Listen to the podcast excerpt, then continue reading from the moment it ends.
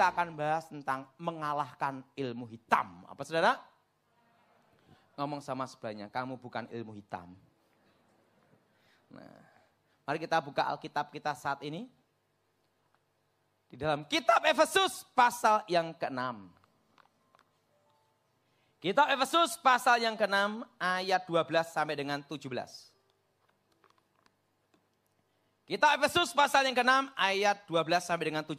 Saudara yang ganjil saya yang genap. Kitab Efesus pasal 6 ayat 12 sampai dengan 17. Karena perjuangan kita bukanlah melawan darah dan daging. Tetapi melawan pemerintah-pemerintah. Melawan penguasa-penguasa. Melawan penghulu-penghulu yang gelap ini. Melawan roh-roh jahat di udara.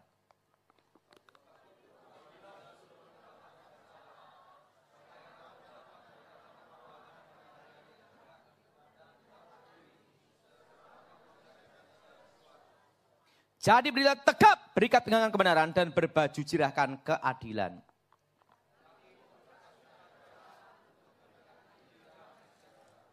Dalam segala keadaan bergunalah perisai iman. Sebab dengan perisai itu kau dapat memadamkan semua panah api dari si jahat.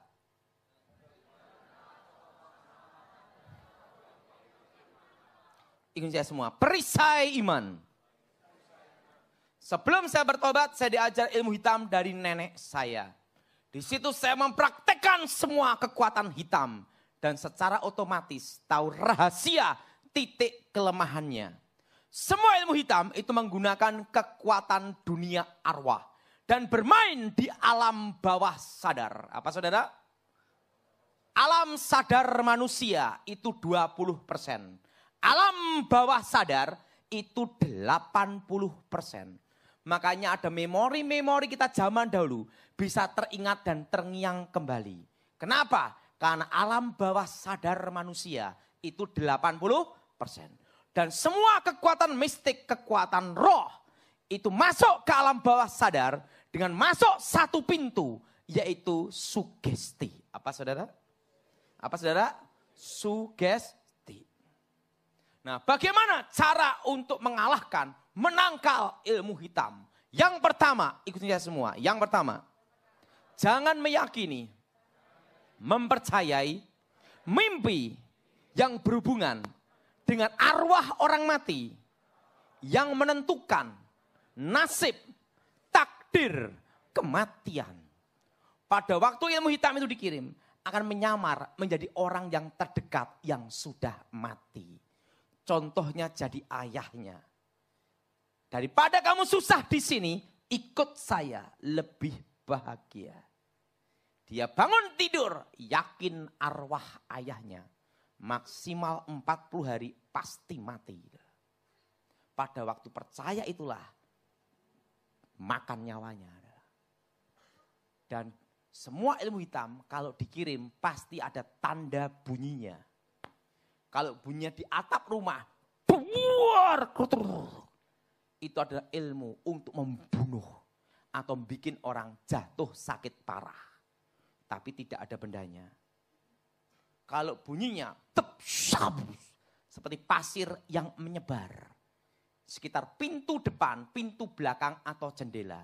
Itu jenis ilmu hitam untuk mateni sandang pangan. Bikin bangkrut, bikin sial, atau memecah rumah tangga supaya cerai atau untuk bikin orang jadi perawan tua, perjaka tua, expired kadaluarso. Nah, itu kalau yang pasir menyebar. Kalau sering dor itu mercon. Begitu ada bunyi dor ledaan, pasti akan ada menyamar menjadi orang yang sudah mati. Itu pasti. Kok bisa tahu Pak Daud? Kan dulu praktek. Bagaimana cara masuknya? Melalui sugesti seseorang. Jelas? Jelas?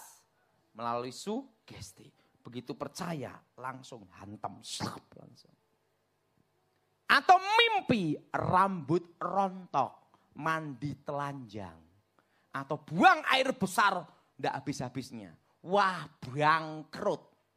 Pada waktu dia yakin itu tanda nasibnya dia baru ilmu hitam itu bekerja. Mati sandang pangan, bangkrut.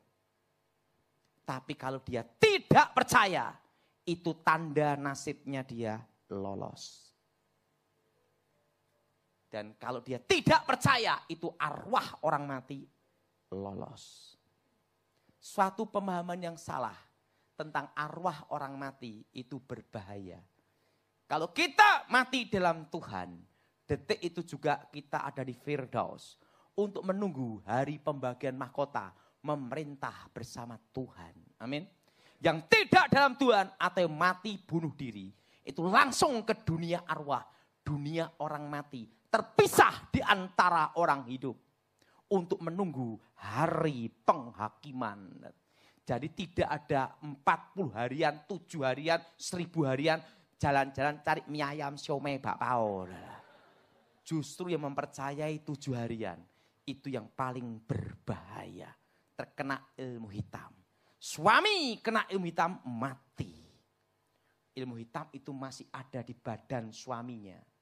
Pasti ilmu hitam itu akan menyamar menjadi suaminya yang sudah mati. Mami dari susah di sini ikut saya. Dia bangun, yakin arwah suaminya. Tidak lama pasti mati. Tapi kalau dia tidak percaya, itu arwah mereka lolos. Jelas? Jelas? Jadi bagaimana cara mengalahkan ilmu hitam? Jangan mempercayai mimpi yang berhubungan dengan arwah orang mati. Kalau memang ada mimpi yang dari Tuhan, kalau mimpi dari Tuhan ya dan amin dan pasti terjadi sesuai firman Tuhan dan tidak ada hubungan dengan arwah orang mati. Pak kalau saya mimpi kadang ingat lupa mimpi lagi. Ingat lagi mimpi lupa lagi. Itu mimpi apa pak? Tanda kecapean. Suruh istirahat. Jelas? Jelas? Atau mimpi gigi tanggal satu. Wah mati. Sekalipun kau mimpi gigi rontok habis semua. Jangan sedih hanya mimpi. Pak kalau mimpi ular mematuk kaki. Apakah itu jodoh? Bukan. Itu kena ilmu pelet. Ular itu lambang iblis. Jelas? Jelas? Jadi ingat, kalau saudara supaya tidak kena ilmu hitam. Yang nomor satu. Jangan mempercayai mimpi yang berhubungan dengan arwah. Dan yang kedua, ketakutan. Ini semua, ketakutan. Semua kekuatan mistik, kekuatan roh menggunakan sisi ketakutan manusia untuk diubah menjadi energi, namanya energi negatif. Untuk diubah menjadi penglihatan, benteng pertahanan, masuk alam bawah sadar, atau kekuatan menyerang. Makanya orang yang takut setan pasti ketemu setan dari energi ketakutannya diubah menjadi penglihatan.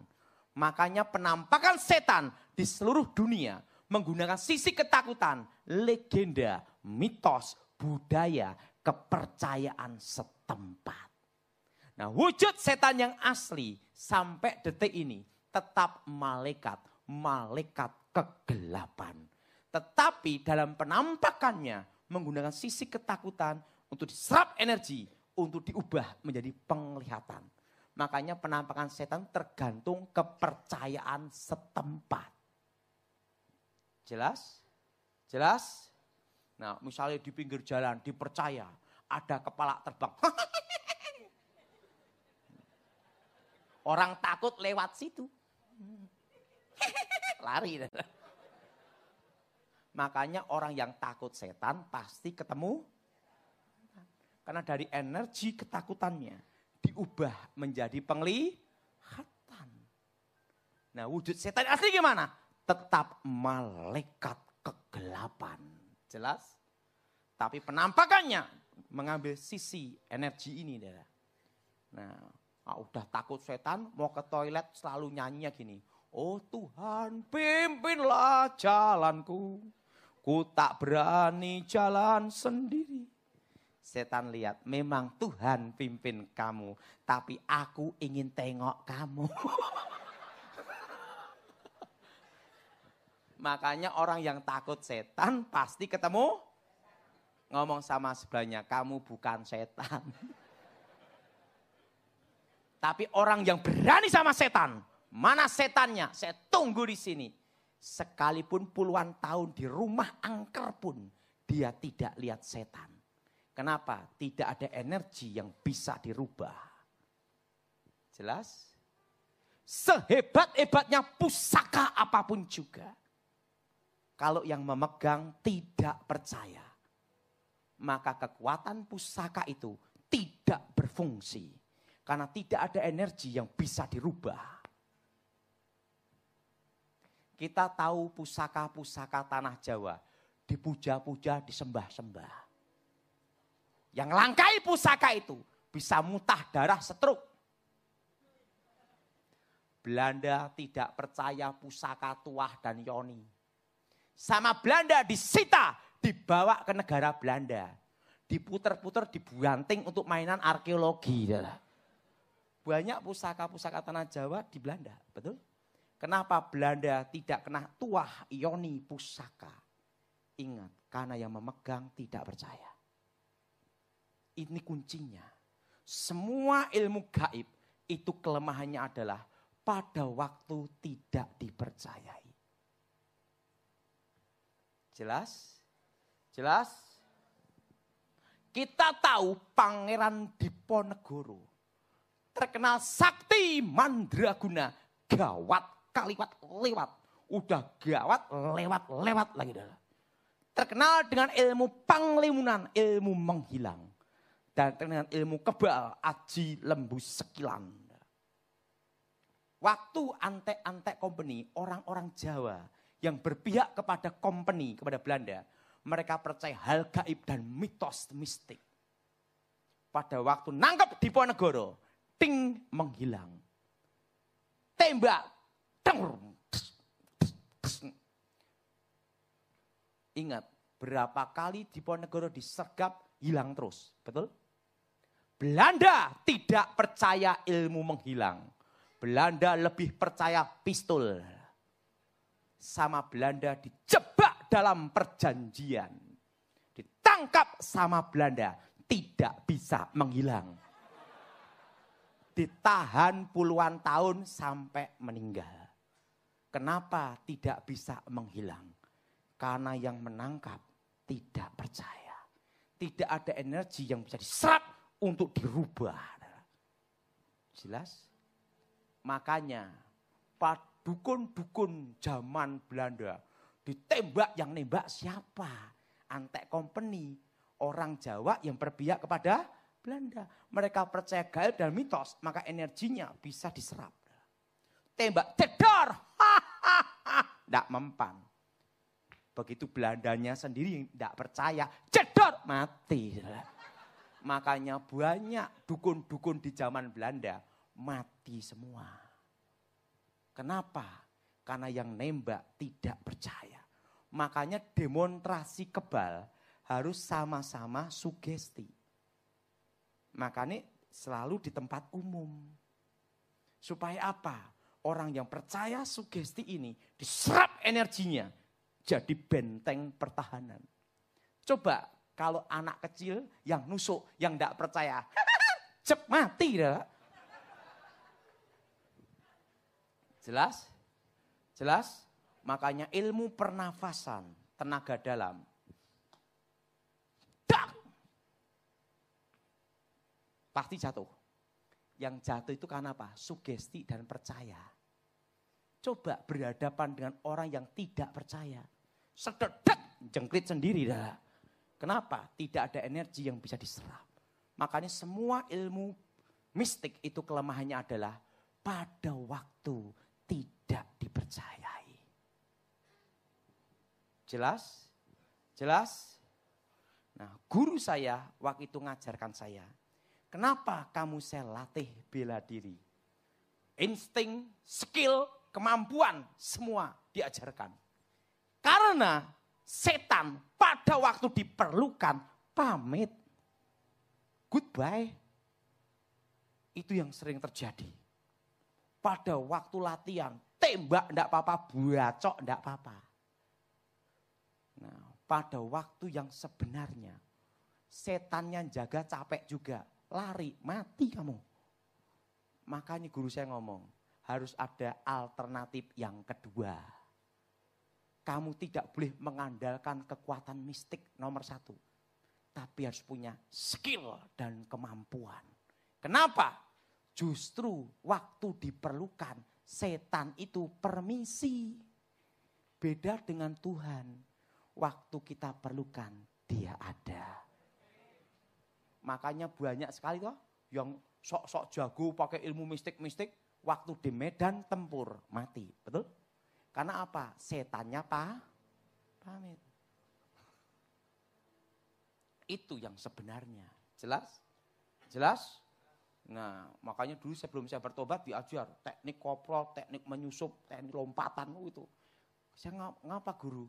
Karena ingat, kamu mengandalkan ilmu menghilang. Tapi ada waktunya, waktu diperlukan. Ilmu itu tidak berfungsi. Harus ada alternatif yang kedua. Oh gitu. Makanya saya dulu diajar. Cara nyusup, cara masuk, cara apa diajar semua. Kenapa? Jaga-jaga ilmunya tidak berfungsi. Mana?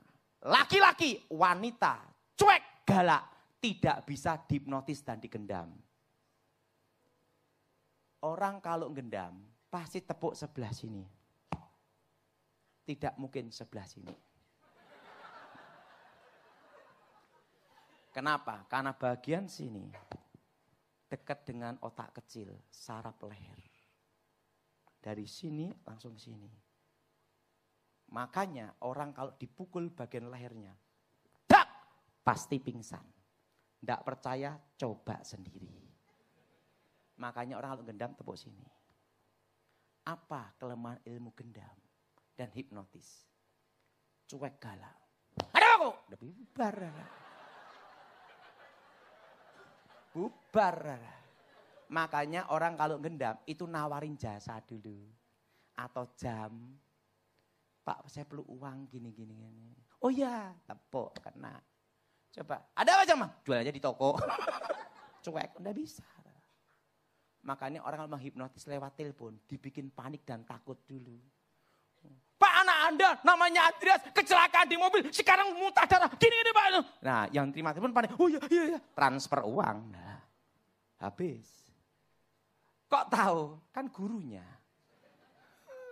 Tapi coba, anda, anak Anda kecelakaan karena musibah gini. Ya udahlah, kamu bayarin. Cuek. Anda mendapat hadiah satu miliar, ambil aja sendiri. Itu kelemahan hipnotis. Dibikin takut, dibikin sugesti dulu.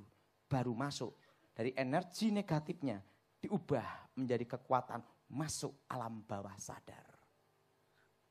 Jelas? Bagaimana supaya tidak kena hipnotis? Ingat, kalau ditelepon atau orang yang tidak dikenal mendekat, cuek, jangan ditangkepin. Nanggepin, sugesti, plek, kena. Jelas? Jelas? Yang kedua, ingat, semua ilmu gaib kelemahannya adalah yang ada dianggap tidak ada. Makanya saya dulu diajar sama guru saya waktu itu ngomong gini. Orang kebal segala senjata. Berarti kebal logam. Tapi ingat, tidak kebal untuk dicekik. Makanya dulu sebelum saya bertobat, saya dilatih guru saya. Khusus ilmu mencekik, membunuh ilmu kebal. Jadi kok ilmu kebal apa pun cekik pasti mati. Karena apa? Kelemahannya ada di nafas. Model cekikannya ada. Siapa yang paling besar di sini? Mana? Tapi tenang aja, kalau 15 detik pasti mati. Kalau 5 detik ya hanya dikit-dikit lah. Satu detik terasa sakit. Ah ini yang gemuk ini, sini Nah, Sini sini sini. Berdiri sini aja. Yang mau pujian nanti siapa? Iya, enggak apa-apa. Nah, dulu sebelum saya bertobat, orang kalau kebal, makanya lawan saya itu kalah semua. Kan gini. Tembak. Ting, ting, ting, ting. Nah, posisi kebal pasti berhenti gini. Nah, waktu lawan seperti itu, saya dulu seperti apa.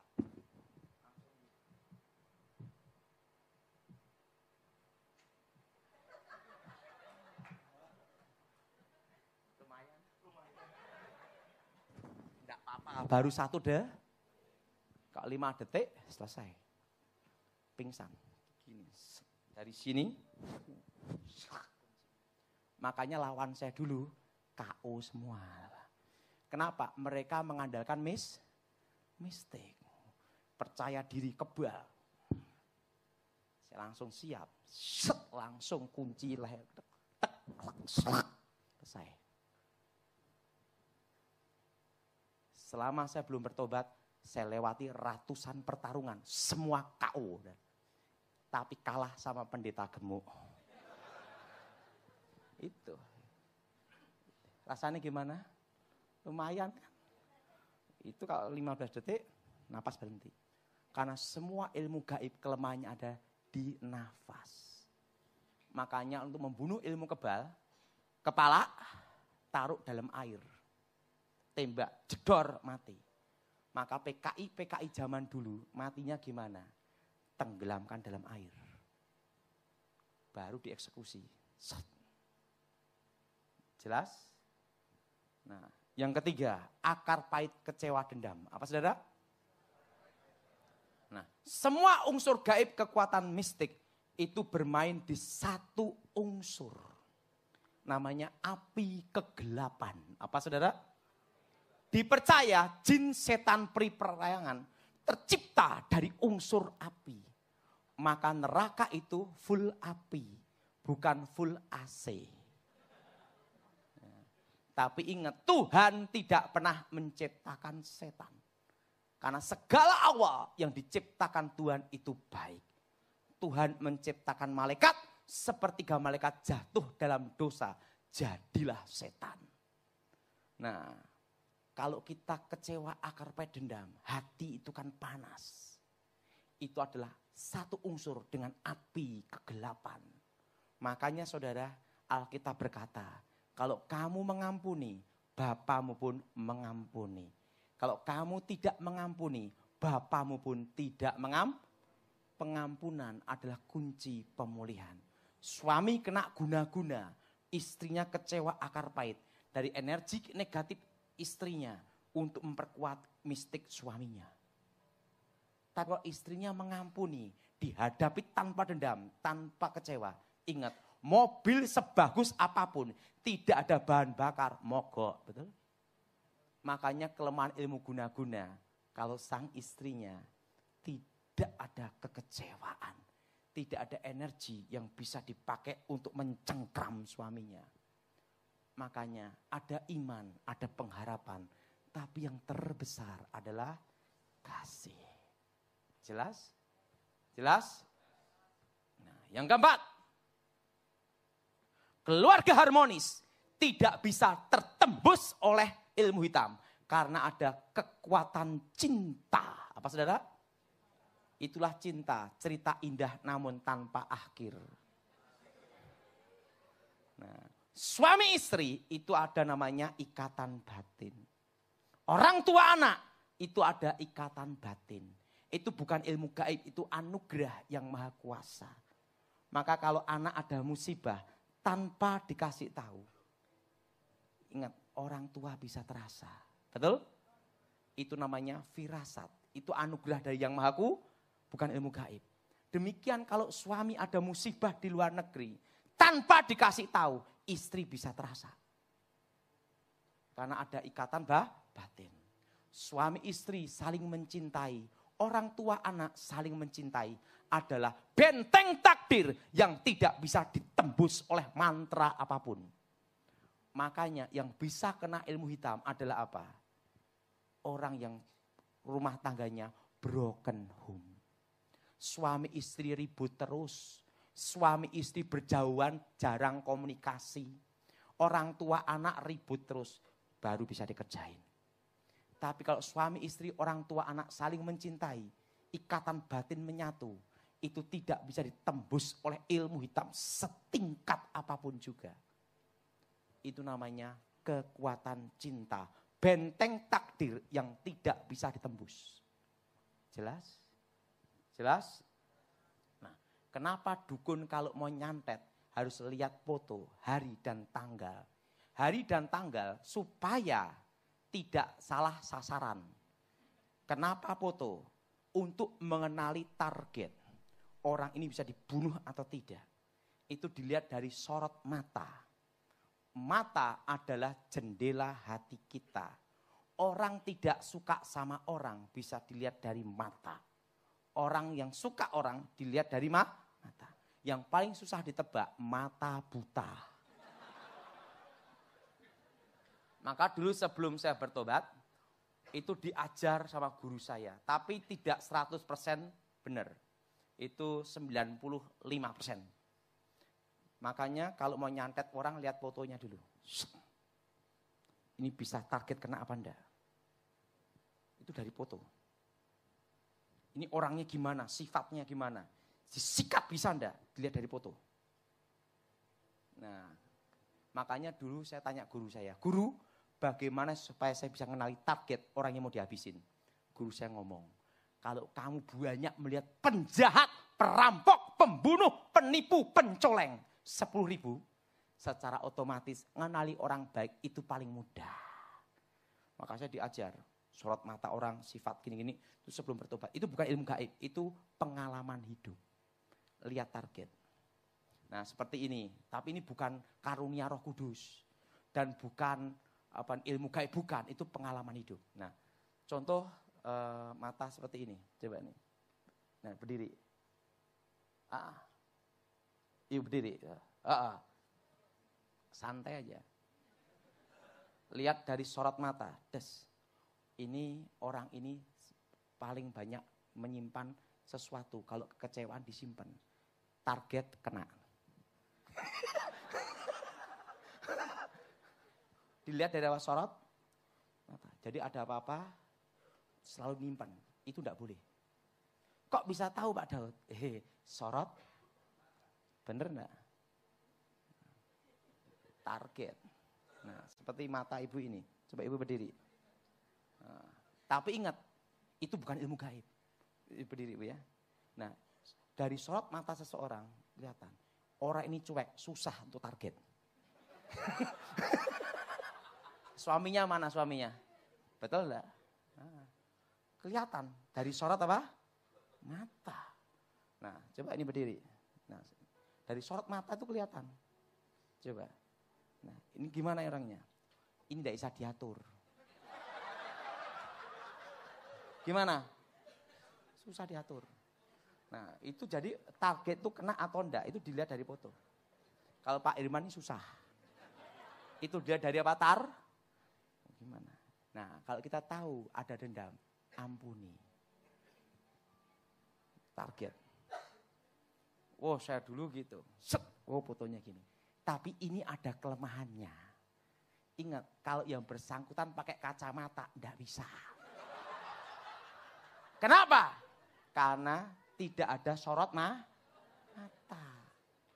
Sama apalagi kacamata riben. Waduh susah. Makanya kalau pengamanan presiden itu pakai kacamata riben gini. Gini pasti. Kacamata gini. Kenapa? Supaya sang lirik kelihatan. Nah, berbahagialah yang beli kacamata. itu kacamata. Kenapa? Dari sorot mata ini tidak bisa tembus. Nah, dukun itu pasti mempelajari itu. Kok bisa tahu Pak Daud? Kan dukunnya ini orang ini mau ditarget kena apa enggak itu bisa kelihatan. Dihabisin bisa enggak? Kelihatan. Nah, jelas? Jelas? Nah. Nah, seperti Bapak ini. Coba lepas kacamata. Kalau dia enggak dilepas kacamata enggak bisa. Nah, ini orangnya pinter. Nah, tapi orang yang enggak mau ribut. Ya udah gitu. Gimana, Pak? Iya. Target susah. Karena apa? Orangnya pakai ini logika, bukan pakai ini. Susah. Jadi ingat, semua ilmu hitam itu ada kelemahannya. Dan ingat, itu bisa keliru. Kelirunya gimana? Kalau terlalu dekat, perasaan itu jadi dekat, tidak bisa. Makanya dukun tuh menyantet pakai apa po? Foto. Ini target ini bisa kena apa enggak? Dilihat dari foto. Kelima, orang pelit paling mudah kena ilmu hitam. Mesti saudara bingung, apa hubungan orang pelit dengan ilmu hitam? Betul? Betul? Semua penangkal ilmu hitam, penolak bala. Semua aliran dukun. Begitu ada kiriman ilmu hitam atau kasus kerasukan, kasus apa pun. Langkah pertama, bancaan selamatan. Supaya orang-orang miskin ini makan. Dan terjadilah hukum takdir Siapa yang menabur, dia yang menuai. Ada satu hukum di sini. Orang yang menaruh belas kasihan ke orang-orang miskin, sesungguhnya memiutangi Tuhan. Dan hukum ini berlaku bukan hanya untuk orang Kristen, semua umat manusia. Makanya kalau dulu belum bertobat namanya dikalahkan dengan kekuatan takdir. Apa takdir itu? Garis yang digariskan yang maha kuasa. Siapa menabur? dia yang menuai. Dan dukun tahu pakem ini, garis takdir ini. Kalau dilawan senjata makan tuan, bisa bangkrut sendiri atau bisa mati sendiri. Kalau ngirim ilmu hitam harus tepat. Ini kena apa enggak? Kalau enggak kena, enggak yakin, eh cari dukun lain gitu dah. Nah, tapi kalau pasti kena, oh sikap langsung. Itu mengenali tar target. Nah, setelah saya bertobat, tidak boleh bancaan selamatan. Karena ngundang-ngundang setan, ngundang-ngundang roh. Setan ketemu setan, reoni semua. Tapi inti di dalamnya saya tahu. Pada waktu saya belum bertobat, saya menguasai ilmu singo ledoyo. Berubah jadi singa sakti, kebal segala senjata. Itu lakunya berat.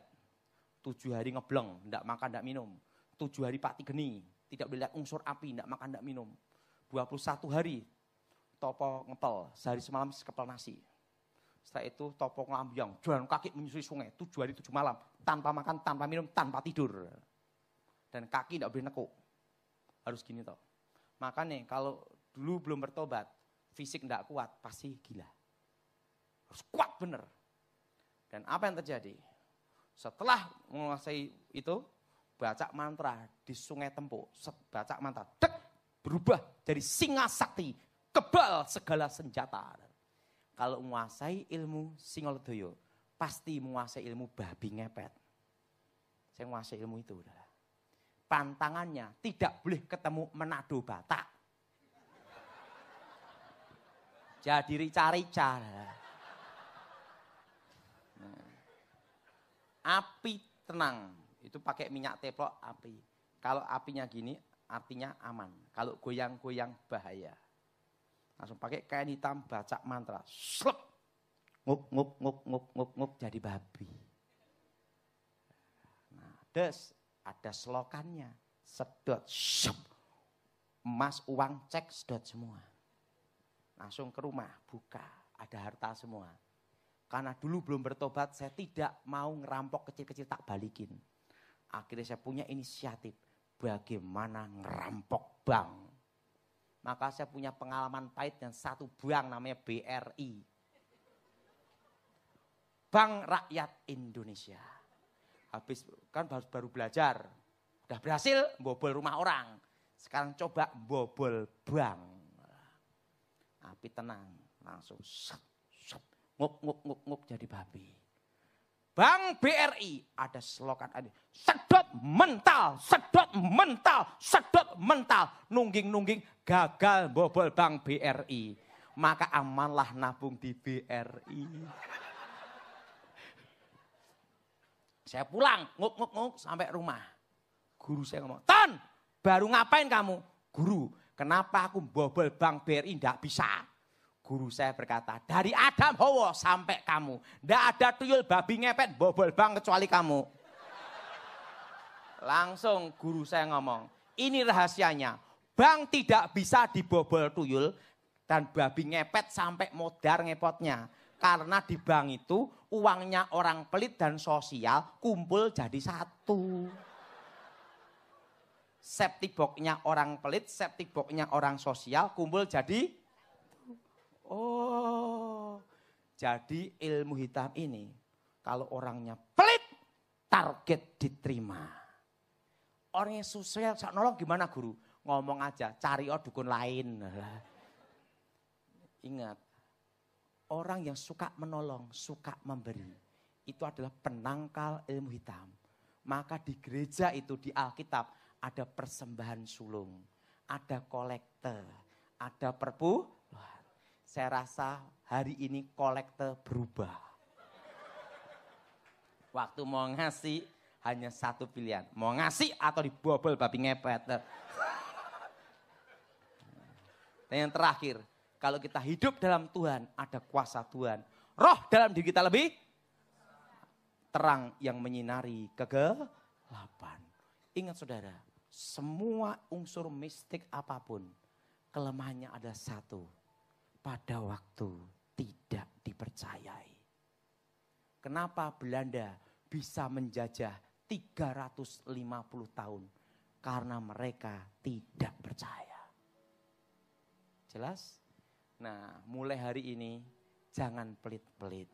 Ngomong sebelahnya, ingat babi ngepet. Mari kita bangkit berdiri saat ini.